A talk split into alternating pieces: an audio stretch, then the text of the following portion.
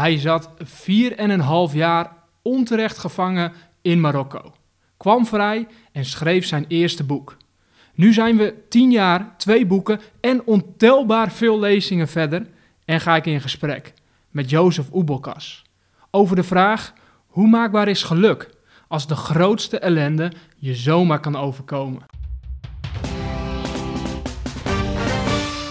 Jozef, dan heet ik jou eh, van harte welkom eh, in de podcast. Nou, dankjewel, uh, Mr. Geert.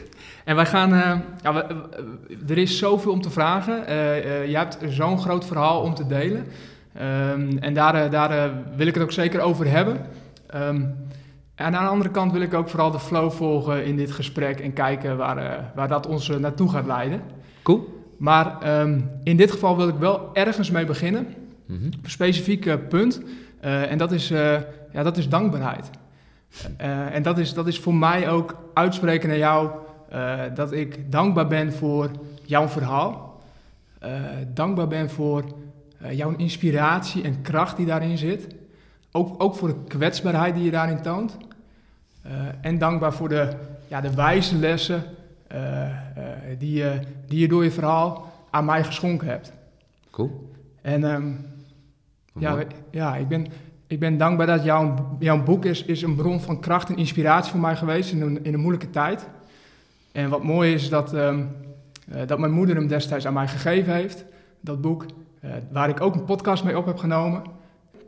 En ik weet tegelijkertijd dat door jou te bedanken, ik ook een hele hoop mensen bedank die ervoor hebben gezorgd dat jij bent geworden wie je bent. En waaronder jouw moeder.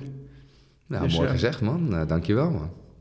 Thanks als het gaat om jouw verhaal en um, ja, datgene uh, wat jou heeft gemaakt en gebracht tot wat je nu bent, um, zou jij degene die jou niet kennen uh, daar een stuk in mee willen nemen? En ja, eigenlijk jouw verhaal, en daarmee kunnen we hem ook snel tekort doen, want het is het is een groot verhaal, maar ja, ik ben wel benieuwd. Wat is het verhaal wat Jozef vertelt als hij op een verjaardagsfeestje iemand tegenkomt? en iemand zegt, hey Jozef Oebelkas, ja, dat komt me bekend voor. Waar is dat ook alweer? Waar ken ik jou ook weer van? Wat, wat is dan dat verhaal wat je dan vertelt? Oh, nou, wil, wil je echt weten wat ik het verhaal... Als iemand op een verjaardagsfeestje naar me toe komt, dan zullen wij een verhaal weten. Nou, dan zeg ik je, eerlijk is eerlijk, je vraagt erom.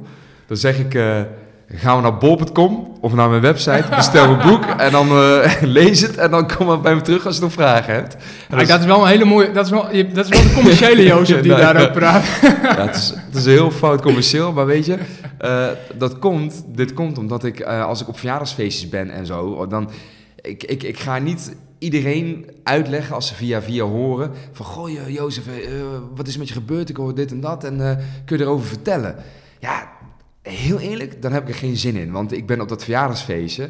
Ik sta al iedere week op, uh, op verschillende podia mijn verhaal te delen. En op een verjaardagsfeestje ben ik met vrienden. En dan wil ik het gewoon hebben over, weet ik veel, gouden hoer over het weer. En over uh, uh, wat er in het nieuws zich afspeelt. Of slap geleuter. Dat vind ik ook is af en toe lekker gewoon. En dan wil ik niet weer heel mijn verhaal aan één iemand gaan uitleggen. Over het feit dat ik onschuldig heb vastgezeten dat ik me moet gaan verdedigen van, uh, dan zie je al die blikken, hè, onschuldig, vast, iedereen zegt dat toch, maar wat is er dan gebeurd? Dus uiteindelijk, uh, voor jou maak ik wel een uitzondering voor je luisteraars. en dan zeker ook voor de, als, je, als je aan het luisteren bent, uh, want, want, want we gaan er ook niet al te uitgebreid op in, dus dat is misschien ook nee, wel, tof. zeker, vooral ook als je luistert, ja, schaf het boek aan en luister ook het boek. En dat zeg ik ook met name als, als, als, als lezer en als iemand die dat, ja, die... die die op die manier jou ook deels even leren kennen. En, uh, dus, dus ga dat vooral doen. En weet dan ook um, uh, dat aan het einde van deze podcast doen we een giveaway. En, en, en, geef ik graag beide boeken van jou cadeau aan iemand. Cool. Dus als je luistert tot het einde, dan, dan leg ik dan even uit hoe je hem, hoe je hem kunt winnen. en dan hoef je niet via bol.com, maar dan, dan krijg je hem van mij opgestuurd. Persoonlijk gesigneerd. Dus daar zorg ik dan Kijk, voor. Hartstikke goed. Um, nou ja, goed, dus, dus, dus in een notendop is het echt gewoon... Hè, het eerste boek heet natuurlijk 400 brieven van mijn moeder. Uh, dat is puur omdat ik dus in die periode uh, van jaren onterecht gevangenschap... 400 brieven van moeder heb ontvangen. Um, ja, ik was 24, uh, ik heb gestudeerd, ik heb gewoon een leuk leven zoals ik hoop menig andere die nu luistert. Hè, basisschool, HAVO, HBO, leuke vriendengroep, te gekke ja, vriendin... gewoon een leuk leven. Ik heb hoge informatica gestudeerd. Start uiteindelijk mijn eigen ICT-onderneming. Een van mijn opdrachtgevers vraagt of ik naar Marokko wil. Want ja, Marokko is het land van mijn vader. Uh, en mijn moeder is daarentegen Nederlands. En ja, goed, ik was destijds 23 toen ik naar Marokko ging. En ik was 24, dus een jaar later. Toen mij uh, ja, het voorval overkwam dat mij werd gevraagd... van goh, je moet naar dit en dat bedrijf toe voor je werkzaamheden. Ik ga er naartoe. Maar ik zie dat bij dat bedrijf er een inval heeft plaatsgevonden. Een inval met allemaal mensen in uniform en shotguns, pistolen. Ik zie het toch altijd voor me. En allemaal auto's met zwaailichten. En ik denk van, joh, wat is hier aan de hand? En ik wil het graag weten van een opdrachtgever. Dus ik zet mijn auto aan de kant van de weg. Ik stap uit en ik loop naar de poort toe. En ik ga vragen wat er aan de hand is. En uh, ze zagen me nog niet eens in het begin. Maar uiteindelijk uh, zagen ze me zwaaien en doen. Omdat ik het graag wilde weten.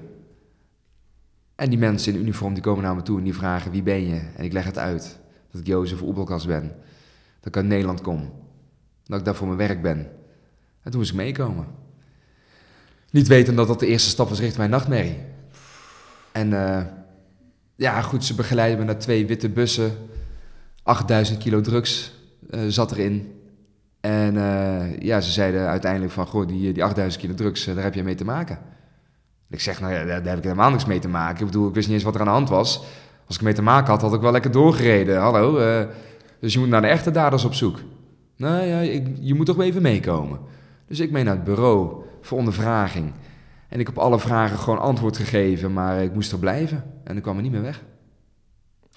Ja. Dat is een bizar verhaal. Ja. Het is een bizarre gebeurtenis. Als je dat zo weer vertelt, als je daar, eh, ja, wat voor gevoel krijg je daarbij? Of in hoeverre uh, ben je weer even terug in die situatie? Nou, het is, het is vooral het gevoel dat ik even krijg, dat betrapt me iedere keer weer op. Uh, het gevoel van een beetje ja, nee, van verdriet. En nu zeg ik een beetje verdriet, want ik ga er niet helemaal in terug natuurlijk qua emotie. Maar het gevoel van verdriet dat het zomaar heeft kunnen gebeuren. Dat het zomaar iemand anders kan gebeuren. En dat is iets, ik wist niet dat het zomaar kon. En dat heeft me zoveel verdriet gedaan, dus dat je zomaar van straat geplukt kan worden. Dat je gewoon met beschuldigingen achter tralies wordt gezet. En sterker nog, dat ze zelfs wisten hè, van wie die drugs waren. Ze hadden naam, adres, telefoonnummer, ze hadden vingerafdrukken van de chauffeur. Ze hadden zoveel informatie om achter de echte daders aan te gaan. En dat werd gewoon niet gedaan. Dit is het woord het, hier is het woord onvoorstelbaar voor uit. Ja, joh, dat, ja nu, nu, nog, nu nog voel ik het inderdaad. Ik denk van ja, dat kan toch niet? Ja, ik had het nog begrepen, echt waar. Ik had het begrepen dat als ik bijvoorbeeld aan het douane zou worden staande gehouden. en ze zegt tegen mij, meneer, in een kofferbak, daar zit drugs in. En dan kan ik wel zeggen, ja, daar weet ik niks van. Maar ja, het zit wel in mijn kofferbak van mijn auto. Dat had ik nog justitie kunnen begrijpen. Maar nu zit het bij wijze van spreken in de kofferbak van de auto van iemand anders. En iemand gaat achter die eigenaar van die auto's aan. Dat, dat, kan toch helemaal niet? Dat is toch doel nummer één? Nee hoor, ik kon gewoon vragen wat er aan de hand is. En uh, ja, ze nemen me mee. En uh, ja, ik krijg uh, uiteindelijk ook gewoon tien jaar celstraf. Tja. Ja. Dus je krijgt de eis tien jaar. Ja. Uiteindelijk zit je 4,5 jaar van die tien jaar. Ja. Kun je ons daarin meenemen in het is een bizarre periode geweest en dat heb je echt uitgebreid in je eerste boek, 400 brieven van mijn moeder. Heb je daar uitgebreid over verteld hoe die tijd ook geweest is voor je. Um, kun je dat stukje allereerst toelichten? Waarom 400 brieven van je moeder? Wat, wat, wat, is, wat maakt dat, uh, dat, dat, dat dat de titel van het boek is geworden? Uh, dat is de titel van het boek geworden omdat ik heb geleerd gedurende die jaren, hè, want het is me in 2004 overkomen in 2009 mocht ik dan eigenlijk naar huis. Uh, dat mijn focus werd op wat ik wel had. Op wie ik wel heb. Wat er wel mogelijk is. Uh, die gevangenismuren, die gingen niet mijn geluk bepalen. Sterker nog, die waren daar alleen maar, met al het prikkeldraad en tralies, om jouw ongeluk te bepalen. En dat heeft een hele tijd, want ik ben door het rouwproces heen gegaan. Ik heb verdriet gehad. Het gevoel van machteloosheid, boosheid, frustratie, onrecht wat we allemaal kennen. Daar ben ik echt doorheen geweest. Maar op een gegeven moment kwam voor mij wel de knop van ja, het is nu wat het is. En gesteund door die brieven van mijn moeder, die me ook vertelde: Kind, we weten allemaal dat je het niet hoort. Maar de harde realiteit is dat het nu wel zo is. En we doen onze stinkende best om jou eruit te halen. Want de Nederlandse overheid, iedereen ging zich ermee bemoeien. Want iedereen wist, ja, weet je wel, die jongen die moet er gewoon weg. Dus ik wist, iedereen was aan het knokken voor me. Hmm. En toen zei mijn moeder, dat betekent, jij moet daar gewoon sterk zijn. Want als je niet sterk bent, dan ga je het verliezen. Hmm. En die woorden van mijn moeder, ja, dat, ja, ja, die werden eigenlijk wel een leidraad in mijn verhaal. Waardoor ik zei van, ja, oké, ik moet dat inderdaad gaan oppakken, want anders ga ik het hier verliezen. En dat moet niet de houding gaan worden. Ik moet hieruit als winnaar. En dat kost natuurlijk heel veel tijd. Dat is een proces. Dat kan niet van de een op de andere minuut of de een op de andere dag. Maar het werd wel mijn focus. En daarom heet het niet de hel van Marokko of de hel van de wereld of de hel van zus. Nee, het heet 400 brief van mijn moeder. Want die had ik. En dat is wat ik iedereen altijd graag wil uitleggen. Als je iets niet hebt, ik kan er ook niks aan doen. Maar je hebt altijd wel iets of iemand. Maar jij moet het wel willen zien. Mooi, en daarmee eh, de wijsheid, dat die kracht wat je daarin eh, hebt gevonden, eh, daar heeft ook je moeder een grote rol in gespeeld. Als je kijkt naar de brieven die ze schrijft, zit dat ook als rode draad in haar brieven. Van focus je op die dingen die je wel Ja. kunt, stel doelen voor jezelf. Ja. Eh, ontzettend krachtig om te lezen. Ja, dat vond ik ook in ieder geval de brief. En daarom wil ik ze ook zo graag delen.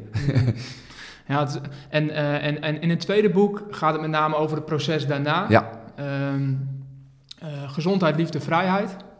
Eh, dat is het tweede boek die je dan schrijft. En dan blik je eigenlijk ook terug op die periode waarin je 4,5 jaar vast hebt gezeten. Eh, of dat was de eerste, het eerste boek en daarna over, oké, wat gebeurt er dan eh, na die tijd? En, Ja. en hoe gaat het proces van het schrijven van het boek ook? En in dat boek schrijf je ook van, oké, natuurlijk krijg je ook heel vaak de vraag, hoe voelt het om onterecht vast te zitten? mhm. Ehm, en er is een kleine passage in dat boek, ja, wat, het dan, wat het voor mij ook heel krachtig samenvatte, hoe je dat, hoe je dat noemt. En, en dan lees ik het nu voor. Ehm, dat is als, je, als me wordt gevraagd hoe het voelt om onterecht in de gevangenis vast te zitten, spreek ik naast het gevoel van onmacht en frustratie ook over het benul van tijd. Alsof je moet wachten op het vliegveld, omdat het vliegveld 4,5, of vliegtuig 4,5 uur vertraging heeft. Dat duurt onmeetbaar lang en vervang in dat geval dan het woord uur voor jaar. Nou, dat lijkt me wel sprekend genoeg. Daar Ja. kunnen we ons allemaal wel iets bij voorstellen. Ja, en dan wil ik er nog wel aan toevoegen. Dan geen vliegveld als eh, Schiphol of zo. eh, en je hebt wifi, nee. Je, je telefoon eh, is dood. je hebt niks. Je zit in een klein wachtkamertje ergens op een Afrikaans vliegveldje. Helemaal vies, zwetend, helemaal vol. Je hebt niks om handen. Nee, want de En dan moet je beelden... 4,5 uur wachten. Ja, want die beelden die je daarin... Want ik heb je ook zien spreken en tijdens je presentatie laat je ook foto's zien van... Ja. het is niet de gevangenis die we eh, voor ons zien als we in Nederland zijn en denken aan een gevangenis. Maar het is echt als sardientjes in blik. Echt in onmenselijke omstandigheden eh, opgesloten zitten. Ja. Nog één quote, ook uit het tweede boek, gaat ook over die periode. En dat, dat, ik, dat, dat, is, is, is, dat hoor ik als een rode draad in je boeken terug, maar ook, ook in, je, in je presentatie als je over, over deze periode vertelt. En, en die komt van je moeder. Ehm, en die zegt op den duur, en jij quote haar, "En wij hebben besloten om een fout, gemaakt door anderen, geen overheersende plek in ons verdere leven te geven. We geven het een plek op de plank met herinneringen waarmee je verder kunt, verder moet. Vergeten doen we nooit, maar het zal ons nooit kapot maken. Het is een houding. Wauw. Ja. Ja, vind ik ook wel wauw eigenlijk. Want het is een stuk, ik heb het lang niet meer ge- teruggelezen, maar nu ik het zo hoor, denk ik van ja, het is wel zo. Ja. Bijzonder. Ja. Dit was tien jaar geleden. Toen eh, heb je weer, eh, kwam je weer op vrije voeten. Klopt, ja. Deze zomer, tien jaar geleden. Deze zomer, tien jaar geleden. En hier, tijd gaat zo snel hier, dat is zo bizar. nou, daar wil ik heel graag met je over hebben. Want ehm, eh, hè, wil je alles weten over dat verhaal, over dat bizarre verhaal, lees vooral de boeken. Eh, maar ik ben nu ook vooral benieuwd, eh, ja, hoe is het nu met je? En, en, en laten we eens kijken naar de thema's die je zelf aan hebt gegeven, die belangrijk zijn. Eh, hoe is het nu met je gezondheid? Ja, gisteren nog goed gesport. Ik sport gemiddeld zo'n ja, drie keer in de week. Eh, lekker krachtsport, hou ik van. Gewoon eh gewichten, energie kwijt. Gewoon je, je, je lichaam testen. Ik ben ook niet meer de jongste, eerlijk is eerlijk. Ik word in september 39. En dat betekent dat ik volgend jaar 40 word. Dat is echt wel een beetje een dingetje. Ik bedoel, 40. Ja, begint dat wel? eh, Ja, ik heb wel. ik was zo 40, dat is echt wel, als je toch in een krant leest, man van 40, dan denk je van, oh, dat is echt een oude man of zo. Weet ik veel. En ik voel me helemaal niet zo. Hè. Het is ook maar age is just a number, zeggen ze wel eens. Mm. Maar het is al wat het is. Ehm, maar daarmee, hè, als je praat inderdaad ook over die thema's gezondheid, liefde, vrijheid. Ik heb er heel bewust voor gekozen. Omdat het drie thema's zijn eh, die we eigenlijk allemaal voor lief nemen. Zodra je het niet meer hebt. Mm. En daar kun je natuurlijk helemaal over meepraten. Eh, ik heb ook een aantal vrienden die eh, ziek zijn, in een rolstoel zitten. En ja, als je ziek bent, dan heb je maar één wens. Terwijl gezonde mensen hebben duizend wensen. Mm. En ik wil iedere keer weer teruggaan. Teruggaan naar de basis. Zo van, weet je wel, het lichaam is je tempel. En ja, ik moet even ergens afkloppen, maar ik ben eigenlijk nooit ziek. En, ik, en, het, en het gaat goed met me, maar, daar ben, maar ik ben er wel heel bewust mee bezig. En eh, dus dat, dus ik ben gezond en wel. eh, En, en als je kijkt naar men- mentaal, zeg maar, hoe, ja. eh, ja, hoe, hoe, hoe fris en gezond ben je, ben je ook mentaal? Ja, ja, ja. Hoe fris en gezond ben je Ja, mentaal? Ja, ja, ja, echt hè. Ja, dan moet ik even opletten, want dan daar wordt opgesloten in een gesticht. Of, nee, nee, nee. Hoe dat? Ehm, dat is misschien nog wel de allergrootste uitdaging eh, van vandaag de dag. En ik denk dat dat voor de meeste mensen geldt. Omdat het systeem waarin we leven, eh, de buitenwereld, het is een hele snelle wereld. Je moet presteren, er zijn allerlei verwachtingen. Je moet zus, je moet zo. Terwijl ik wil heel erg graag terug van, ja, ik moet helemaal niks. Het enige wat ik moet echt, is gewoon voor mezelf zorgen, zodat ik er kan zijn voor een ander. En dat kan alleen maar als ik ook de focus heb op mezelf. En waar ik blij van word en waar ik gelukkig van word. En ik zie veel te veel mensen nog hun eigen geluk uit handen geven. Eh, daarmee ook de schuld aan anderen geven dat ze hun geluk maar bepalen. Terwijl ik altijd graag terug wil brengen naar jouzelf. Want jij bepaalt jouw geluk en niet iemand anders. Maar dan moet je wel snappen, en dat is de hele mentale mindset, waar ik eigenlijk ja, toch wel constant mee bezig ben, dat dat gewoon goed blijft. En waar komt dat denk je vandaan, dat mensen dat zo makkelijk weggeven? Ehm, ik denk omdat ze gewoon eh, het niet hebben geleerd hoe, daar, hoe daarmee om te gaan. Op school of eh, ja, je, je, leert niet hoe je nou je eigen geluk bepaalt. Het komt wel steeds meer in opleidingen en in basisscholen. Echt programma's van over geluk. Dat vind ik echt briljant gewoon. Ehm, maar, we, maar we leren het niet echt. Hoe bepaal je jouw geluk? En eh, ja, dat is iets wat ik wel heb geleerd in die hele harde school binnen die gevangenismuren. Waardoor ik dat ook één op één heb kunnen toepassen in deze vrije wereld. En dat ik heb geleerd dat als ik het kan, dan kan iedereen het. Hmm. Zonder enige uitzondering. Maar dan begint wel de discussie. Want dan krijg ik heel vaak mensen, ja, nee, maar eh, dat zit niet in hem. En, eh, en die persoon, nee, die is niet intelligent genoeg. En die, eh, die is te dik en die is te dun en die is zwart en die is wit. En die heeft een slechte jeugd gehad en die heeft allemaal excuses. Dat ik denk van, ja, daar gaan we weer. Ja, dus dan wijzen we vooral naar iets wat buiten ons zit, Nou, waar nou, we niks aan kunnen doen. Ja, dat. En ook wijzen naar iets wat er dus niet is. Hè? En dat is, nogmaals, daarom heet het boek 400 brief van mijn moeder. Want dat werd de focus. Wat heb ik wel? Wat kan wel? En dat is constant wat er in mijn gedachten gebeurt. Dat ook ik als mens dingen meemaak in mijn leven waar ik niet om heb gevraagd. Maar het is wel wat het is. Nogmaals, die keiharde realiteit. Het is die gevangenismuren, het is wat het is. Maar wat doe ik ermee? Wat is mijn houding? Wat is mijn mindset? En hoe meer je daar ook echt mee bezig bent, des te ja, minder moeilijk het ook wordt. Hmm. Maar je moet wel mee bezig zijn. En de meeste mensen die zijn er niet mee bezig. Want het systeem is daar niet op ingericht. Het systeem waarin wij leven, deze wereld, is op ingericht dat je huur en hypotheken, je moet rekeningen betalen en iedere maand gaat er maar weer door. Dus, en dan krijg je kinderen en dan gaat daar de tijd aan vast. En dit, dus, dus je hebt niet eens meer de tijd om aan jezelf te werken, denken we. Hmm. Ja, dat moet je gaan zelf, zelf gaan bepalen. En jij spreekt veel mensen, hè? je staat veel op podia, dus je ziet en, en, en, en, en hoort ook heel veel verhalen. Ja, Ehm, is er ook een bepaalde hoek of ehm, ja, zie je dit eigenlijk in de hele breedte terugkomen? Bij iedereen die, wa- waarin je, die je spreekt en die daar moeite mee hebben? Of zie je het een bepaalde groep die er moeite mee heeft om, om dat geluk zelf te creëren?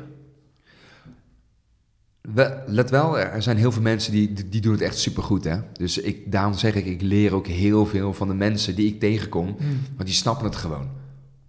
Ehm, maar er is geen bepaalde doelgroep, daar ben ik ook achter gekomen, waarvoor het geldt. Het geldt wat dat betreft voor iedereen. Of je nou jong bent of nou oud, of jong zou in de gevangenis zitten, of dat nou bankiers zijn, of dat het nou advocaten zijn, of dat het nou een moeder is, of nou een vader of een opa. Ik ben erachter gekomen dat wij als mens, en niet alleen in Nederland, maar echt over de hele wereld, eigenlijk allemaal een beetje op zoek zijn naar een stukje geluk, een stukje erkenning, waardering en that's it. En als we dat krijgen, dan hebben we eigenlijk gewoon alles. En, uh, dus dan is het eigenlijk de hele vraag zal dan zijn, hoe creëer je dat? Absoluut, ja. ja. Hoe creëer je dus dat je jouw geluk ervaart, dat je dus erkenning krijgt toch, hè, een stukje waardering. Want zonder die erkenning van de buitenwereld ja, weet je ook niet precies wie je bent. Hmm. En dat is de hele paradox. Het hele leven is gewoon één grote ultieme paradox, want je wordt geboren en je gaat dood. Nou, dat is het dan. Hè, even heel plat gezegd. En ik zeg altijd, die buitenwereld die zit niet op je te wachten, maar je hebt hem wel nodig. Om ook te kunnen weten, ja, maar wie ben ik dan? En, en, en dat is gewoon onderdeel ook van wie jij bent. Dus je hebt het wel nodig, want als je gewoon alleen op de wereld loopt, ja, dan ben je ook zo uh, disconnected. Hmm. En, dat is, uh, en dat zijn allemaal facetten van het hele leven die je gewoon moet snappen. Dus we leven in een bepaald systeem, snappen dat systeem is niet op gericht om jou te helpen, maar vooral om rekeningen te moeten betalen en om dit en om zus en om zo. Want als je dat niet doet, dan krijg je aanmaning, word je afgesloten en word je uiteindelijk in de bak geslingerd, zo gezegd. Maar tegelijkertijd moet je ook snappen dat dat wel het systeem is. Waar ook ik mee, mee te maken heb. Hmm. Maar dan is het aan mij hoe ik daarmee omga. Ja, en daarmee zeg je ook dat je dus niet volledig afzet tegen het systeem. Of nee, nee, ja. zijn van het systeem. Zeker, weet dat? Kijk, wat als je gaat afzetten, dan is dat een vorm van negatieve energie. Het is juist een vorm van begrijpen, een vorm van toelaten dat het is zoals het is. En ik ga niet in mijn eentje het hele systeem veranderen. Ik heb er geen zin in, ik heb er de tijd niet voor. Ook ik leef me heel kort. Ik had er gisteren nog een discussie over, toevallig op een verjaardagsfeestje. Letterlijk, ja, ja. ja, ja vriendin van ons 50 geworden. Uh, en ik zei, het leven is kort, maar krachtig, zei ik. Oh, maar hoezo vind je leven maar kort dan? Nou ja, als je kijkt naar de aarde, die al 4 miljard jaar rondspint en jij met een beetje geluk 100 gaat worden, dan is je 100 jaar echt wel heel erg kort. Dus maak het krachtig, maak het mooi. Maar dan heb je het ook over perspectief. In welk perspectief zie je zeker. je leven? Ja, zeker weten. Maar alles is ook weer perspectief. Hoe is het met de liefde? Ja, gaat, gaat ontzettend goed. Ja, dus uh, wat dat betreft... En ook, ook dat is ook weer een puntje van geluk. Ik, uh, ik merk, uh, iedere week als ik ergens spreek die kring van mensen en ook van lezers, dat wordt alleen maar groter en groter. En dat vind ik echt, ja, super mooi gewoon. Echt, ik kan gewoon gehaast gewoon geen dank, ja, meer dankbaar gevoel. Hè. Dat is ook het eerste woordje waarmee ik mijn eerste boek open. Hè. Dankbaar is het eerste gevoel, waar jij net ook deze podcast mee opende. Um, en tegelijkertijd moet ik ook heel erg beseffen, weet je wel, zij komt op nummer één. Natuurlijk, jij als eigen ik komt op nummer één. Mm. Maar dan zij. En dat moet ik, je wil heel graag je tijd al aan iemand anders geven en aan die en aan de buitenwereld. En, maar ja, je hebt maar 24 uur. Dus uh, ik heb heel erg geleerd om haar ook gewoon uh, daarin te respecteren. En daarmee, uh, ja, gaat de liefde gewoon ontzettend goed. Ik bedoel, ook al bijna tien jaar samen. Dus ja. Mooi man. En ook daarin schrijf je veel over in het boek, hè? De Zeker. lijn die je daarin loopt. Ja, het is ook, weet dat mensen die, die, die refereren er ook wel eens aan. Dat is een soort een romantisch verhaal. Maar mm. ja, het is ook gewoon wat het is. En liefde nou, is gewoon een heel groot punt in het hele leven. Ja. ja, en kan je ook daarin door moeilijke tijden heen helpen. Zeker. Hè? Het eerste boek is natuurlijk ook moederliefde voor een heel groot ja, zeker. gedeelte. Ja, en het tweede boek is natuurlijk hè, hoe bouw je hier je leven weer op? En vooral het leven als zijnde een ex-gevangene, want je bent een ex-gevangene. Mm. En dat is een heel naar woord, want als je zegt ik ben een ex-gevangene, wie gaat de vrienden met je worden? Wie gaat de zaken met je doen? Dat is gewoon niet echt een positieve vibe wat eraan vasthangt. En daar had ik dus ook in kunnen gaan kruipen, in die rol, mm. die slachtofferrol van, ja, ze zien ons ex-gevangene. Terwijl ik zoiets heb gezegd van, weet je, ik ben het nu eenmaal, daar kan ik nooit meer iets aan veranderen. Ik ben geen ex-crimineel, tussen haakjes, want dat is weer totaal iets anders. Maar het is al wat het is en dat moet ik zien te omarmen. En dan moet ik een plaats zien te geven, zodat ik ook weer verder kan met mijn leven. Want het gaat om mijn leven, het gaat om mijn geluk, zoals het om jouw geluk gaat in jouw leven. Hmm. Ja, en dat is een mindset, dat is een ding. En als je daar echt mee bezig bent, ja, dan zie je dat het gewoon werkt. Ja, dat, is werkt. bizar, want nu je dat zegt, dan, dan, dan, dan uh, zie ik ook dat het zo ontzettend altijd zo werkt. Dat als je het eerst bij jezelf accepteert, Ja. maar dan kan het ook gedeeld worden weer met Ja. de wereld. En dan op een of andere manier ehm, is er dan ook een groter deel in de wereld die dat stuk ook accepteert. Ja, dat precies inderdaad. Want als jij het zou niet accepteert, dan gaat niemand anders het over. En dat is allemaal. En dan kom ik op de hele basisles van het hele leven. Dat het echt gewoon allemaal bij jezelf begint. Niemand anders doet het voor je. Zelf doen. Wat zou jij heel graag, als je nu in deze wereld kijkt, ehm, eh, bij jezelf willen laten beginnen en dat echt gewoon als een olievlek over de hele wereld uit willen spreiden? Nou ja, dat wat ik net zei. Dus als je praat over eh, mensen vragen echt best wel vaak van... wil je het systeem niet veranderen? zeg ik nee, ik wil alles terugbrengen naar het individu.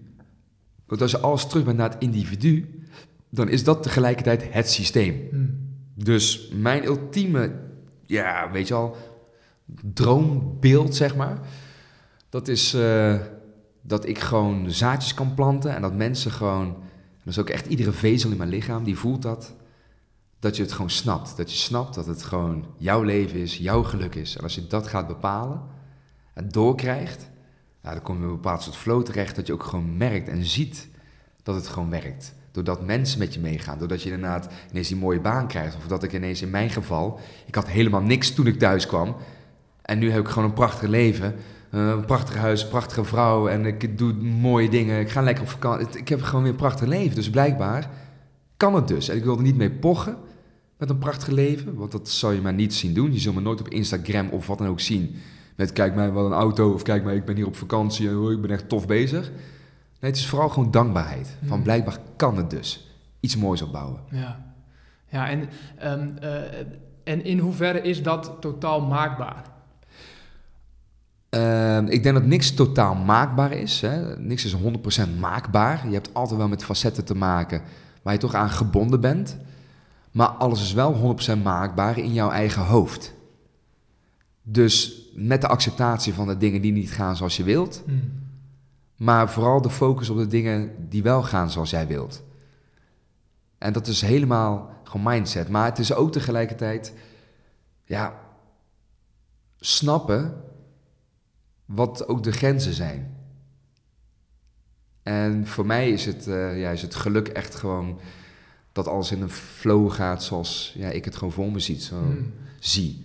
Maar je zegt als snappen wat grenzen zijn. Kun je, wat, wat bedoel je daarmee? Nou, ik was best wel grenzeloos eh, op een gegeven moment. Want ja, hallo, ik kom uit, uit een wereld letterlijk van grenzen. Maar alleen als je grenzeloos bent, dan laat je alles toe. Dan gaat de buitenwereld je consumeren en dan verlies je het. En zo raken de meeste mensen in de burn-out depressie. Dus ik heb weer moeten leren om die grenzen op te gooien, hoe onnatuurlijk dat ook voor me was. Want alleen binnen kaders kun je dus inderdaad je geluk bepalen. Hè? Wij kunnen alleen maar 3D denken. Hè? Wij snappen helemaal niet wat eindig is of wat, of, eh, sorry, wat oneindig is. En daarmee kom je dan helemaal weer op het... Hè, dan gaan we heel zweverig praten over het heelal. Wij kunnen alleen maar voorstellen, het heelal is of oneindig of het is eindig. Er zit niks tussen. Nee, nee, nee, juist. Maar on- oneindig, dat kunnen we ons niet voorstellen. Want ja, dat is Nee. bizar, dat kan helemaal niet. Nee. Maar eindig, dat is ook zo raar. Want dat betekent dus dat we in een box zitten. Wat zit er dan buiten die box? En nou goed, daar moet je niet te veel over nadenken. Want dan word je een soort van, ja... hè? Maar de Matrix eh, Ja, ja, ja, ja. dingen. Ja, ja, super vet trouwens, Matrix natuurlijk. Nee, maar goed, maar alleen dat is, het is dus heel klein maken. Ja, ja. Echt met stappen en met tijd. Hè, gun jezelf ook die tijd. Dus als je praat over maakbaarheid. Ik zie veel te veel mensen die te snel te veel dingen willen. Ja. En daardoor ongelukkig worden. Studenten huilend aan mijn signeertafel. Ja, ik weet niet wat ik wil. Ja, ja, hoe, jong ben je, vraag ik. Je staat nog maar aan het begin. Ja, zeg ja, ik ben 21. Nou, nou, precies, dat is zo mooi dat je nog niet weet wat je wilt. Om, omarm dat. Ja, Misschien weet je het over vijf jaar nog niet. Maar ga gewoon lekker leven. Ga, ga gewoon dingen doen waar je zin in hebt. Ja, maar, ja, maar, ja. En dan komen ze weer met de verwachting van de buitenwereld. ja. Want de ouders verwachten dit. De vrienden die gaan wel verder. Dus je laat je geluk afhangen van die buitenwereld. ja. Dat is precies mijn verhaal. Niet daarvan af laten hangen. Nee, maar en tegelijkertijd is dat ontzettend lastig. Want Dat is het lastigste wat er is in het hele leven misschien wel. Dat is de grote kunst. Tuurlijk. Ja, zeker. Maar tegelijkertijd ook is het, als je wel beseft dat het geluk uit jezelf kan, eh, hè, dat je dat zelf kunt creëren, ehm, eh, dan kan dat voor sommigen ook een extra druk met zich meebrengen. Of een, een extra verwachting dat ze daardoor ook altijd gelukkig moeten zijn. Ja, ja. Ja, ja, maar dat is wat je verwachting is natuurlijk, hè? Ja. En, en Maar hoe voorkom je dat, dat, dat zeg maar, hoe, hoe, hoe, hoe, ehm, hoe maak je aan iemand duidelijk? Ja, ja. Ik weet helemaal waar je naartoe wilt. ja. ja. Nee, dat het wel van jezelf afhangt, maar dat het ook weer, zeg maar, ehm, dat, dat je het niet jezelf moet opleggen. Of dat het niet een, Ja. dat het niet een doel op zich moet worden, want dan wordt het weer net een doel op zich als je, als zoals je alle andere dingen mo- mogelijk als een prestatie gaat zien en daardoor juist jezelf berooft van dat geluk Ja. en dat gevoel waar je naar op zoek bent. Ja, ik snap het. Ik snap het helemaal. Want dat is ook iets waar ik nog steeds mee bezig ben. Hè? Het is ook constante reflectie van, is dit wat ik wil? Is dit nou mijn leven? Is, eh, wil ik dat ook zo blijven doen of wil ik toch iets anders kiezen? Of... En eh, ik denk wel dat dat iets is wat gewoon met de jaren komt. Hè? Dus dat kost gewoon tijd. En dat is wel iets wat ik mezelf heb toegelaten. Dat ik het gewoon de tijd heb gegeven. En vergeet niet, hè, gedurende die gevangenisperiode had ik gewoon geen andere keuze dan mezelf over te leveren aan, ik zit hier nu eenmaal. Ik kan niks anders behalve bezig zijn met mezelf en mijn eigen gedachten. Dingen opschrijven. Ik was eigenlijk helemaal verstoken van die buitenwereld. Eerlijk is eerlijk. Het was eigenlijk heel klein, heel veilig. Ik hoefde geen rekeningen te betalen. Ik hoefde niks te doen. Ik hoefde, niks, ik hoefde niet te werken. Ik hoefde helemaal niks te doen. En mijn omgeving, die snapte dat nog ook. Maar mijn omgeving had zoiets, ja nee, hallo, hij zit in de gevangenis. Natuurlijk gaat hij geen rekening betalen. Dus wij gaan alles regelen voor hem. Dus eigenlijk, even heel stom gezegd, was een soort van totale sabbatical afsluiting van de buitenwereld. Dat ik alleen maar bezig kon zijn, mocht zijn, met mezelf. Ja. Dus En heel veel dingen kon loslaten en Ja. niet druk om hoefde te ik maken. en moest zelfs loslaten. Ja. Zoals de student die bij jou aan tafel komt en die zich heel druk maakt over... ik moet nu weten wat, Ja. wat ik wil.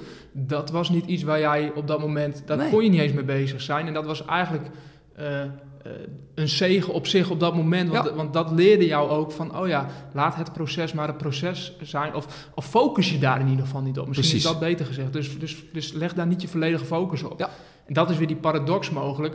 Als je daar niet op focust, is de kans dat je gaat ontdekken wat je wil en ga- eh, gaat creëren wat je graag wil, klopt. ehm, is die kans veel groter.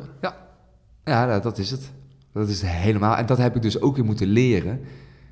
Vandaar ook dat tweede boek, toen ik thuis kwam. Want bij thuiskomst, en mensen die ziek zijn geweest, en ik heb zelfs voor transplantanten gesproken, en mensen die eh, een traumatische ervaring hebben meegemaakt, of die eh, eh, op, op missie zijn geweest naar het buitenland vanuit het ministerie van Defensie en zo, het zijn allemaal dezelfde processen. Je komt thuis en mensen verwachten van je dat je dus uiteindelijk ehm, het leven maar weer oppakt. Dat je uiteindelijk maar gewoon weer wat. Ja, want dat verwachten ze ook van ja, je bent toch weer thuis. Het gaat weer goed ben je. Je bent toch weer gezond. Je hebt toch een nieuw hart gekregen. Dus je moet toch weer gaan werken. Mm. Je moet weer zus, je moet weer zo. En dan raken mensen vaak in een soort van dip. Van ja, maar chips, wacht even. Maar ik heb het voor mezelf nog helemaal niet echt een plekje gegeven. En ik heb nog tijd nodig, want... En dan moet je helemaal terug naar jezelf. Dan moet je dus weer die grenzen op gaan gooien. En die gevangenismuren eigenlijk weer op gaan gooien. Wat ik weer dus heb moeten doen. Mm. Wat extreem onnatuurlijk was. Want ik wil helemaal geen grenzen Alles in jou riep waarschijnlijk van, oké, vrijheid, blijheid, Dat is het, alle ja, kanten ja, schiet ik op, want ik, ik heb eindelijk kan ik weer alle kanten Ja. op. Eh, wat tegelijkertijd ook weer ervoor zorgde dat je jezelf daarin kwijtraakte Ja. en, en Ja, eh, ja, weer opnieuw ging zoeken naar, van, hey, naar, naar jezelf. absoluut. Ja, Dat is fascinerend hoor. Ik, ik vind het nog steeds fascinerend. ja. Dat het gewoon zo werkt. Maar dat je dus ook moet snappen, of in ieder geval kunt omarmen, dat het dus zo werkt. Al die paradoxen. En dat je er soms helemaal gillend gek van wordt. En dat het ook gewoon oké is. Ja, ja. ja dat wordt, uiteindelijk wordt het een hele meditatieve... En, Ja, en- en- ja. En-. Dat, ja, dat het antwoord... En we willen heel graag het antwoord Ja, het is hebben, het. hè. We willen het antwoord. Hoe, eh, hoe, hoe doe je dat? Ja, en, precies. eh, en, en wanneer ben ik daarmee klaar? En eh, wanneer kan ik dat is vinken? geen en antwoord. als ik eenmaal geluk heb, dan, dan hou ik het automatisch vast. Ja. Maar het is altijd een proces. En dat is, kan ook on- enorm frustrerend zijn. Ja, nou ja, weet je, de, de, er, er is geen antwoord. En het antwoord is dat er geen antwoord is. Mm. En dat het antwoord er misschien al wel is. Ja, en dat is niet altijd de gewenste antwoord. Nee, zeker niet. Nee, nee, was dat maar zo'n feest. Nou, als dat voor iedereen zo was, zo werkt het leven niet, Nee. voor niemand. Dat betekent ook dat je altijd meerdere boeken in je hebt. Zeker. Het wat jij ook zegt, ook in je, in je, in je, in je presentatie, is, is iedereen heeft een verhaal. Ja. Iedereen heeft een verhaal te vertellen. Maar het is ook zo dat iedereen eigenlijk meerdere boeken heeft. Want na jouw eerste boek kun je eigenlijk zeggen, oké, dat de omgeving, dat, dit is het verhaal van, van, van Jozef Oebelkas. Ja. Maar dat was het niet, want het proces ging door. Zeker. Dus er komt ook weer een boek 2 die gaat over, oh ja, hoe, hoe heb ik dat boek geschreven en wat, wat daarna? Ja, dat zeg je heel mooi. Het logische vervolg is, dan moet er ook ergens een boek 3 op de loer liggen. Ja. En daar heb je ook helemaal gelijk in. Ja, Want hoe kijk je nu naar voren? Hoe kijk je nu naar... ehm, eh, eh, ja, het is helder wat je wilt delen. In ieder geval, die boodschap die je, die, die, je zelf zo mooi verwoordt. eh, van ja, trek het naar jezelf, vind het in jezelf. haal het niet van de buitenwereld. Kijk hoe je dat geluk en die erkenning voor jezelf kunt creëren. Ehm, en als je dat wil verspreiden over de wereld, hoe, hoe, ga je, hoe, hoe, hoe wil je dat gaan doen? En, en hoe doe je dat op dit moment al? Ja, op dit moment, ik sta natuurlijk gewoon iedere week meerdere keren gewoon op de bühne. Je hebt me inderdaad zien, eh, zien spreken. Nou, dat was dan een openbare lezing. Dat vind ik nog wel de meest speciale dagen, want er komen echt mensen die gewoon allemaal het verhaal kennen. Of die echt op uitnodiging zijn van een lezer die het verhaal dan te gek vindt. En dat vind ik super tof. Terwijl de meeste presentaties die ik geef, dat zijn voor bedrijven, organisaties. Eh, ja, mensen weten niet wie ik ben. Die zitten een beetje glazig aan te kijken. Wat is dit voor een pipo hier zo? En, eh, maar dan juist die impact. Daar, en dan gewoon het applaus en alles. En dat de mensen naar me toe komen. Soms weer naar mijn tranen oog. En ook met een lach. Want het is natuurlijk vooral ook een verhaal met een lach. Ehm, Nou, dat zeg je, maar dat, dat is ook, dat, dat, dat, dat tekent het wel inderdaad. Of dat, dat zegt veel over jou, want het- dat- je lacht inderdaad en, en, Ja. en, en je brengt een hele mooie dosis humor mee ja. in je verhaal. En dat, dat, ja, dat, je zegt van, nou, dat is, dat is logisch, maar dat, dat, dat viel me op. Dat is bijzonder hoe je dat doet. Nou, maar dat- oh, nogmaals, ook dat is een proces voor mij. Hè, ik moest eergisteren ergens spreken, er komt een jongen naar me toe. En die heeft een hele goede vriend verloren. Dat is nu negen maanden geleden in eh, El Salvador. Die is verongelukt. En die, eh, het kwam heel erg bij hem binnen. Dat verhaal, hè, wat, iedereen betrekt dan toch op zichzelf ook. Hè? Wat ook moet, want het is jouw verhaal. En hij zei ook tegen mij van, ja, wel, ik vind het zo knap. Maar tegelijkertijd lijkt het ook net alsof je dat daar hebt meegemaakt.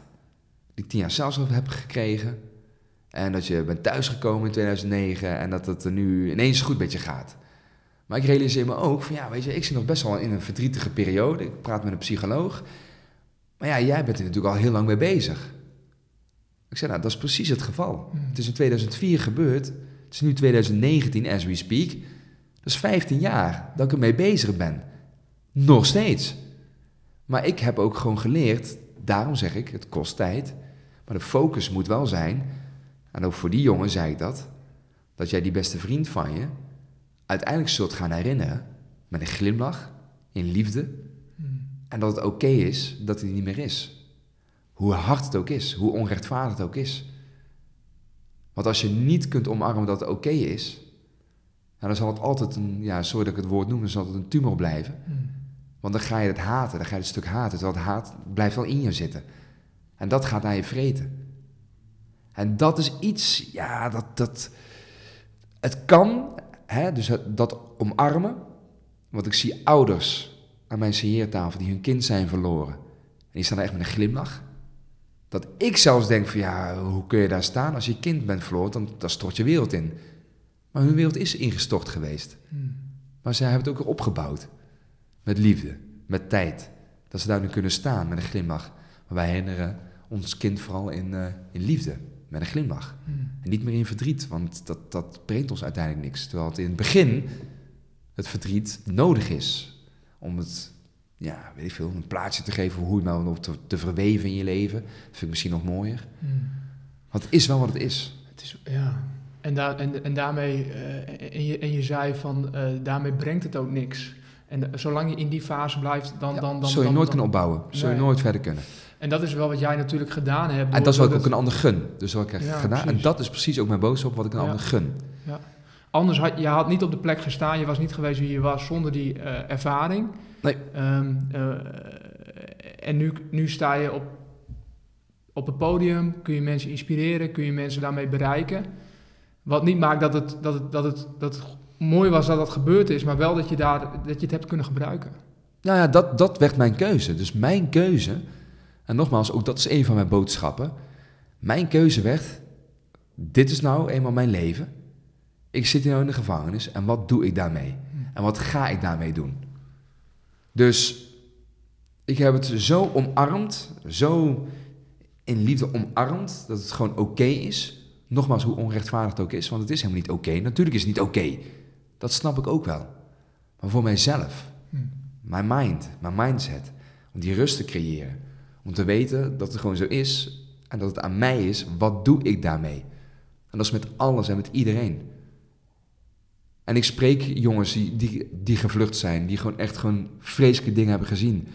Hoe kan ik tegen zo'n vluchteling zeggen, hey, het is oké, weet je wel, dat je je familie hebt afgeslacht uh, uh, zien, zien worden. Tuurlijk is het niet oké. Dus ik wil het helemaal niet zo plat slaan dat het gewoon oké, schouders ophalen en lekker verder. Nee, het heeft gewoon heel veel tijd en tranen en verdriet. Je moet er doorheen, maar uiteindelijk gun ik jou wel dat je kunt omarmen. Voor jouzelf, voor jouw geluk, voor jouw leven. En daarmee ook voor een ander die dicht bij jou staat. Dat jij niet de verliezer wordt. Want dat gun ik jou zeker niet. Hmm. Keuzevrijheid. Ja. Een van de mooiste vormen van vrijheid. Ja, zeker. Die we hebben. Ja. Zelfs op het moment toen jouw vrijheid afgenomen werd, heb je daarin je keuzes continu gemaakt. Zeker. Je, je doelen gesteld en gekeken waar ga ik, waar ga ik me op richten. Ja. Dus nu, veel aan het spreken.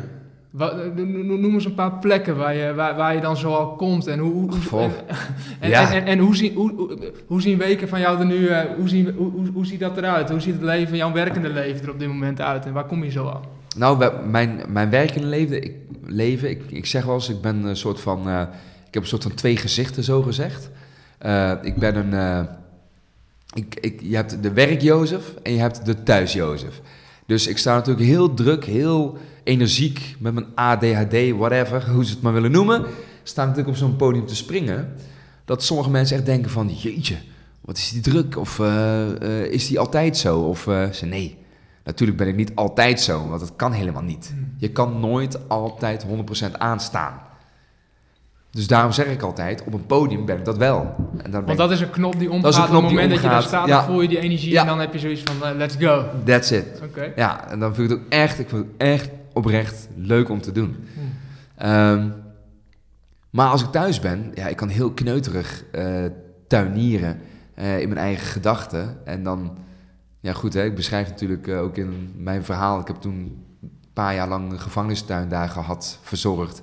Za zaadjes ge- geplant, voor die bloemetjes. Dus dat is ook voor mij een soort van mindset. Dat als ik thuis ben, dan heb ik die rust. Dan kan ik gewoon helemaal zen zijn met de omgeving. Ehm,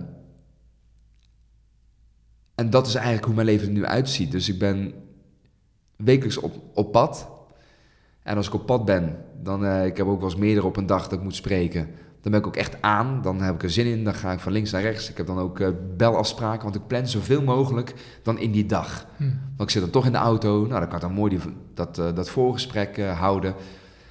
Daarmee denken vaak mensen ook dat ik altijd druk ben. Maar ik ben alleen maar op die dag ben ik dan druk. En dan zijn er bijvoorbeeld drie dagen in de week. En de rest van de week ben ik gewoon lekker thuis. Hm. En dan ben ik bezig inderdaad nu met het derde boek. Dat ik aan het schrijven ben. Waar eigenlijk de hoofdboodschap dus is. De psychologie achter die eerste twee boeken. Met waarom is het mij allemaal zo gelukt. Niet alleen binnen de gevangenis. Maar ook dat ik thuis kom.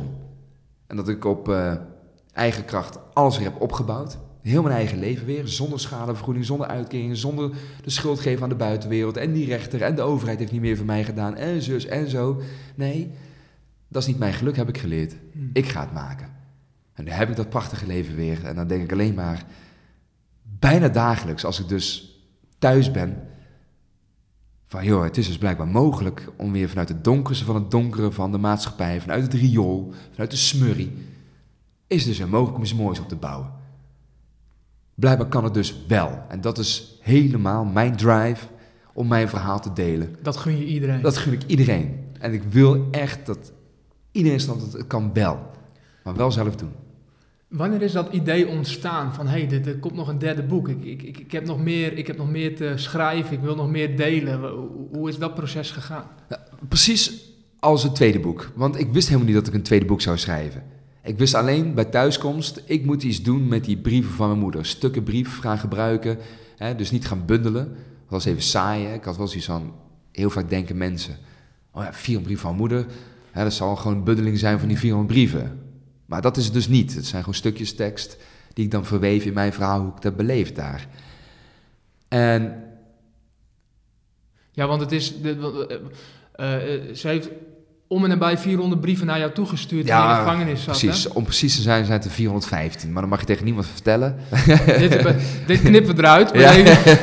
nee, nee, nee, het zijn er echt 415, dat ja, klopt. Ja, dat lag wat moeilijk in de mond ook. 415. Ja, weet je, 400, weet je, dat, dat, dat, dat klinkt gewoon mooi. En, uh, maar het waren officieel 415, maar mijn moeder was wel zo, uh, uh, ja, had dat lumineuze idee om zeg maar... Wat, het idee was ontstaan in de gevangenis om het boek te schrijven. Maar toen was mijn moeder verder gegaan met 400a, 400b, 400c. En dan is tot met 400 o gegaan. Maar dat beschrijf ik ook in het tweede boek. Dat is visionair, jouw moeder. Die zag het al helemaal visionair. Die helpt mij, die, die, die, die, die, gaat, die steunt mij daarin. Maar goed, uiteindelijk um, waren er zoveel mensen die het boek gingen lezen. Hè, inmiddels al een paar honderdduizend mensen hebben het boek gewoon gelezen. Dat is voor mij nog steeds mind-blowing. Um, maar die vroegen, die vroegen ook echt van, ja, weet je wel, uh, je, je bent nu thuisgekomen. Even een spoiler alert, hè, ik kom uiteindelijk thuis. maar, maar nu, hoe, hoe bouw je nu in je leven op? Dus vanwege die vragen ja. dacht ik van, oh, dus mensen vinden het blijkbaar interessant dat ik na zo'n ervaring, hoe heb ik dan alles weer opgebouwd? Dus vandaar met het tweede boek en het derde boek precies hetzelfde verhaal. Dus mensen die willen graag weten, hoe dan? Hmm. Dus de hoe-vraag hoe is het jou nou wel gelukt en waarom lukt het een ander niet? Ja, dat gaat echt in het derde boek gewoon zo duidelijk naar voren komen. Niet alleen dat het mij is gelukt, maar dat ik ervan overtuigd ben dat het dus gewoon iedereen kan lukken. Hmm. Maar wel op jouw manier. Want er bestaat geen één heilige oplossing. Wat is het grote verschil nu met dit derde boek uh, die je aan het schrijven bent en, en, met de eerste twee? Oh, de eerste twee boeken, dat is echt één groot verhaal. Hmm. Ja, dus het tweede boek is ook echt het vervolg op het eerste boek. Dat kun je ook, ja, je kan het tweede boek niet onafhankelijk van het eerste lezen. Uh, en daarom is het verhaal ook echt klaar. Daarom is het gewoon weer klaar als een soort van... En uh, they lived happily ever after, dat verhaal een beetje. En het derde boek wordt echt een soort van... Meer een soort van guidance, meer een soort van... Uh, ja, weet ik veel, managementboekachtig iets of zo. Ik, ik wil het niet zo noemen. Maar meer... Ja, uitgelegd hoe, zeg maar, ja. mijn gedachten, mijn mind eigenlijk werkt. Ja iets misschien meer metapositie, gewoon meer, meer naar, naar jezelf kijken. Van hey, wat, wat haal ik er nou? Wel, wat zijn nou die, die belangrijkste lessen, inzichten, ja. uh, handvatten die, die je eigenlijk al verkondigd hebt de afgelopen jaren en, en uh, ontdekt hebt voor jezelf uh, in, in een praktische manier ja. uitgelegd? Dat, helemaal. Is er al een titel van het boek? Ik heb een stuk of tien mogelijke titels en ik heb nog geen idee. Hoe ver ben je in dat, hoe ver ben je in dat schrijfproces nu? Ik ben uh, nog uh, redelijk, uh, redelijk in de kinderschoenen. Het, het, het, zijn vooral allemaal ja, ja, scratches. Hè. Ik, ik, schrijf van alles op. Allerlei ideeën, hersenspinsels. Ja. Dus dat schrijf ik allemaal op. Waarvan ik weet, ja, weet je wel, de meesten gaan het gewoon niet redden. Want anders wordt het een of andere dikke bijbel. En dat is niet mijn doelstelling. Het moet gewoon een praktisch boek worden. dus ja, ik, ben er, ik zit er gewoon middenin. En ik weet ook niet wanneer het uitkomt, of nou volgend jaar is of het jaar daarna, of daar, ik, geen idee. Je hebt voor jezelf ook niet een, een bepaald doel van dan, wil ik hem, uh, dan, nee, nee. Dan, dan, wil ik hem af hebben. Ja, het, het, doel is, het is af wanneer ik voel dat het af is. Wanneer ik echt tevreden mee ben. Dat is ook weer dat proces. Ja. ja. En ik bepaal dat. En of het nou over vijf jaar of zo, over tien jaar of volgend jaar.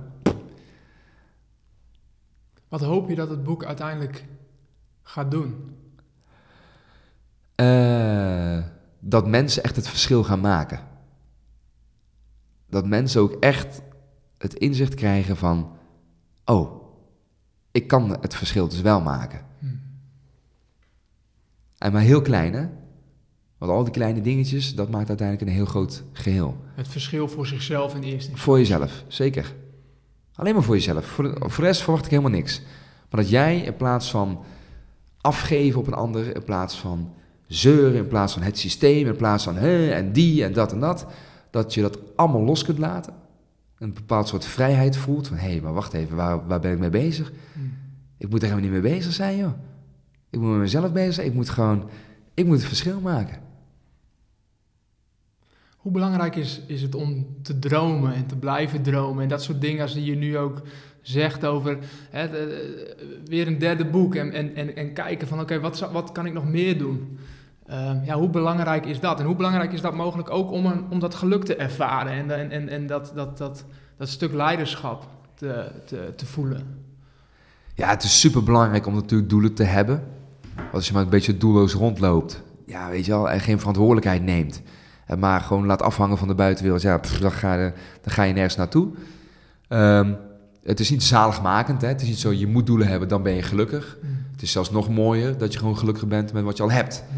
Maar dat is een beetje moeilijk voor ons als mensen, hè? want wij zijn natuurlijk mensen, als we iets hebben, nou, dan ervaren we dat geluk heel kortstondig en dan willen we weer meer.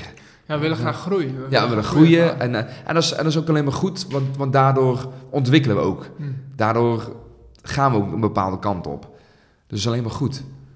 Ehm, en ook voor mij is dat echt gewoon ontzettend leuk. Ik wil gewoon ook blijven groeien, blijven leren. Hè, dromen, dat is voor mij hetzelfde als gewoon op onderzoek uitgaan. Openstaan voor andere ideeën. Ik, ik ben in Japan geweest. Ja, Japan is weer een totaal andere wereld dan hier.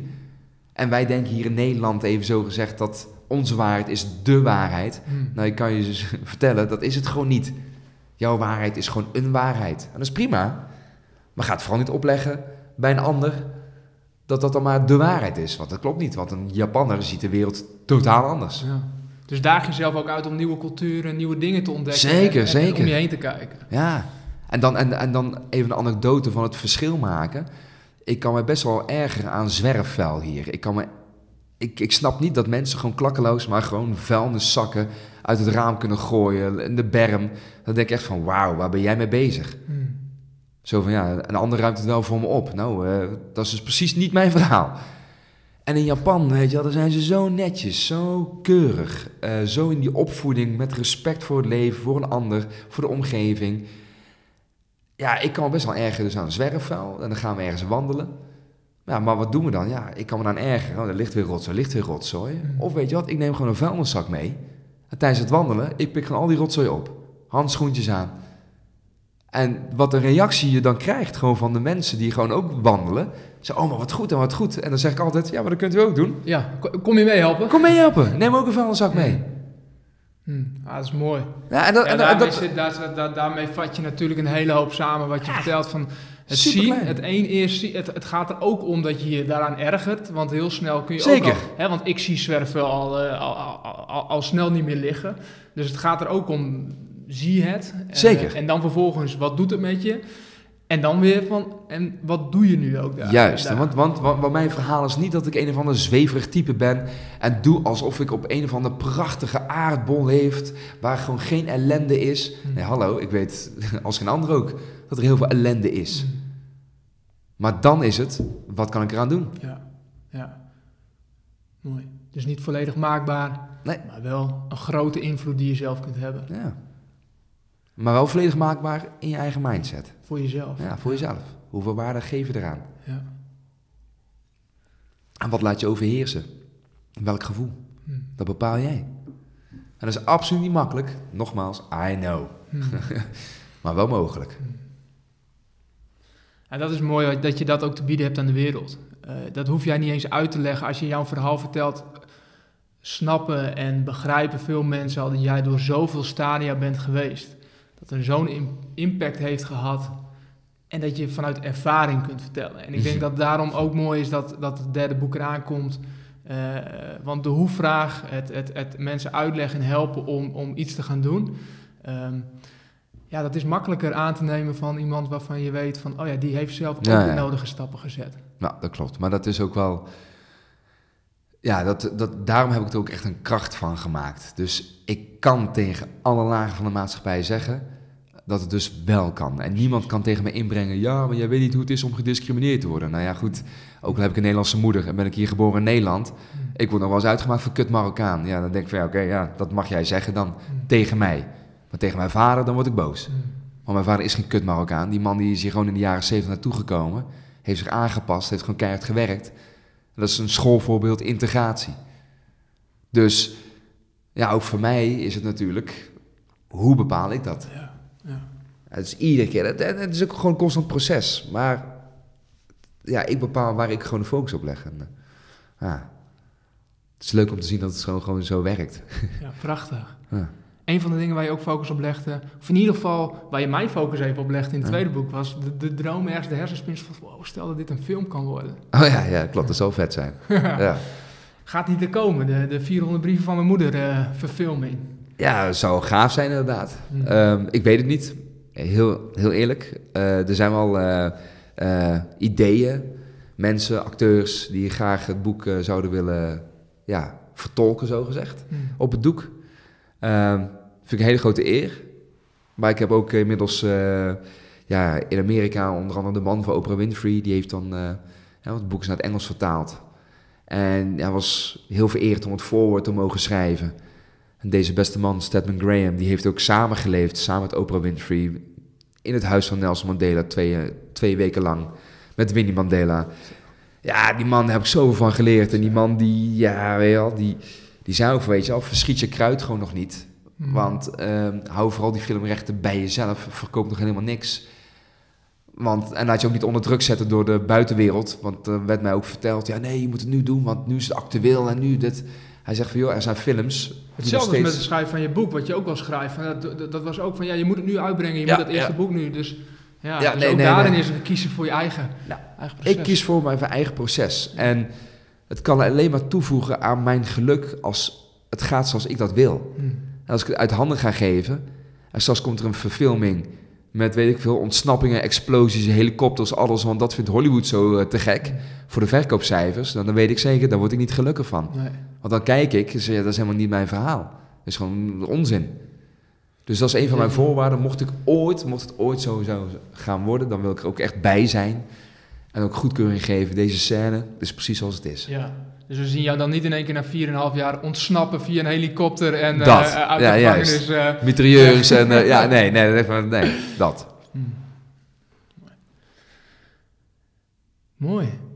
Dus ambitie is in ieder geval nu druk bezig met het derde boek. En eh, ondertussen spreken in ja. je boodschap zoveel mogelijk verkondigen. Wel. Mhm. Mooi. En hoe lang dat duurt, geen idee. Ik krijg zo vaak de vraag van, goh, hoe lang denk je hier nog mee bezig te zijn? Zo, Dat vraag je echt aan de verkeerde persoon. Hm. Want ik kan gewoon niet in de toekomst kijken. Het leven heeft waarschijnlijk hele andere plannen voor mij in petto. En eh, dat laat ik maar eens even om, om afkomen. En dan kies ik wel de beste optie. En als mensen nu luisteren en denken, ik wil je wel graag volgen in dat proces, hoe lang dat dan ook is. En al moet ik je daar een jaar, twee jaar, drie jaar, vier jaar voor volgen, dan heel graag, lijkt me super tof. Via welke kanalen en op welke manier kunnen we je beste in de gaten houden? Ja, ik ben wel echt een lousy persoon wat betreft eh, social media en zo. Ik eh, update op zich niet heel veel, niet dagelijks of wat dan ook. Eh, ik heb een Insta, zoals ze zeggen, account, omdat het is aangemaakt door een VMBO-leerling. Want ik zei tegen hem, ja, na een lezing van, goh, weet je wel, ja, ja, je kunt me volgen op Twitter als je wilt. Maar ja, Ja. hij zei, Twitter, Twitter, Twitter is hartstikke dood. Ik zei, oh, oké, wat moet ik dan? Ja, u moet Insta. Zei, dat heb ik niet. Hm. Nou, dan maak ik het wel even aan voor je. Pakte zo de telefoon uit mijn handen. Oh, ja. Ja, en ter, en ter plekke maakt hij dit aan. Ja, goed, maar, maar Maar ik hij hou houdt hem wel... niet voor je bij, begrijp ik. Nee, Dus houdt je niet moet voor mij. Ja, ik moet wel zelf doen. Ja, je moet zelf doen. Maar, eh, maar, maar ik hou wel gewoon via Facebook, eh, LinkedIn, Twitter, eh, via al die kanalen, via mijn eigen website natuurlijk. Er komt een nieuwe website eh, binnen, binnenkort over een paar weken trouwens al. Hm. Dan hou ik wel gewoon alles op de, ja, alles hier gewoon op de hoogte van laatste ontwikkelingen die er ook gewoon een beetje toe doen. Maar ik ga niet alles updaten van, eh, goh, ik heb eh, nou eh, een lekkere vega burger op met extra lekkere saus. Nee, dat ga je van mij niet zien. Nee. nee. Want ik denk ook niet dat je dat zo interessant. Ja, ja, vind je het interessant? We zien je borden niet voorbij komen. Ja, nee, nee, je ziet geen borden voorbij komen. Dus. Nou, mogelijk is het dan wel, eh, als die zover is, als je derde boek uit is, ehm, eh, lijkt het me super tof om ook in deze podcast daar in ieder geval gehoor, of, dat te laten weten. goed. En, eh, en, en eh, eh, ook daarin eh, bekendheid te geven aan het eh, uitbrengen daarvan, lancering daarvan. Ja, leuk. Eh, en eh, en eh, om mensen daarin mee te nemen. Deal. Tof. Ehm, het eerste en tweede boek, die, eh, die is al wel uit. En die is al, eh, eh, sterker nog, de, eh, van het, het eerste boek is 19e druk al. Nee, de 21ste. 21ste. Geert. Ja. Man, man, man, man, het gaat, eh, je gaat hard. ja. Je hebt daar een 18e druk. Dit is de eh, 18e, dus, ja. En het tweede boek, hoeveelste druk? heeft? Eh, die gaat nu naar de achtste druk. Achtste druk, ongelooflijk. Ja. Nou, daar, daar, eh, daar, eh, eh, die, daar kun je eh, eh, kans op maken. Eh, dus die, eh, die delen we graag uit. Eh, die geef ik graag weg. Ehm, en ik zat te denken wat het handigste is om eh, mijn LinkedIn even in de gaten te houden. Eh, dus eh, eh, voeg me toe en volg me in ieder geval op LinkedIn, Geert Hidding. Daar zal ik ook even de post met deze podcast neerzetten en ook eventjes laten weten op die post hoe je dan de boeken kunt winnen, gesigneerd door, door jou. Leuk. Hey, deze podcast ehm, draait niet om mij, maar draait om mijn gasten. En, en in dit geval, Jozef, ben jij mijn geëerde gast geweest voor vandaag. Ehm, het laatste woord is dan ook altijd voor mijn gasten. Eh, dus eh, wat zou jij nog willen delen ter afronding? Ehm, wat ik zou willen delen? Nou ja, laat ik dan maar gewoon zeggen van eh, een beetje een bijbelse gedachte. Net als Jozef uit de Bijbel. Heb je naaste lief. Behandel anders als je zelf behandeld wil worden. Het zijn allemaal clichés, maar ik meen het vanuit de grond van mijn hart. En maak het leven maar gewoon mooi, want het kan wel.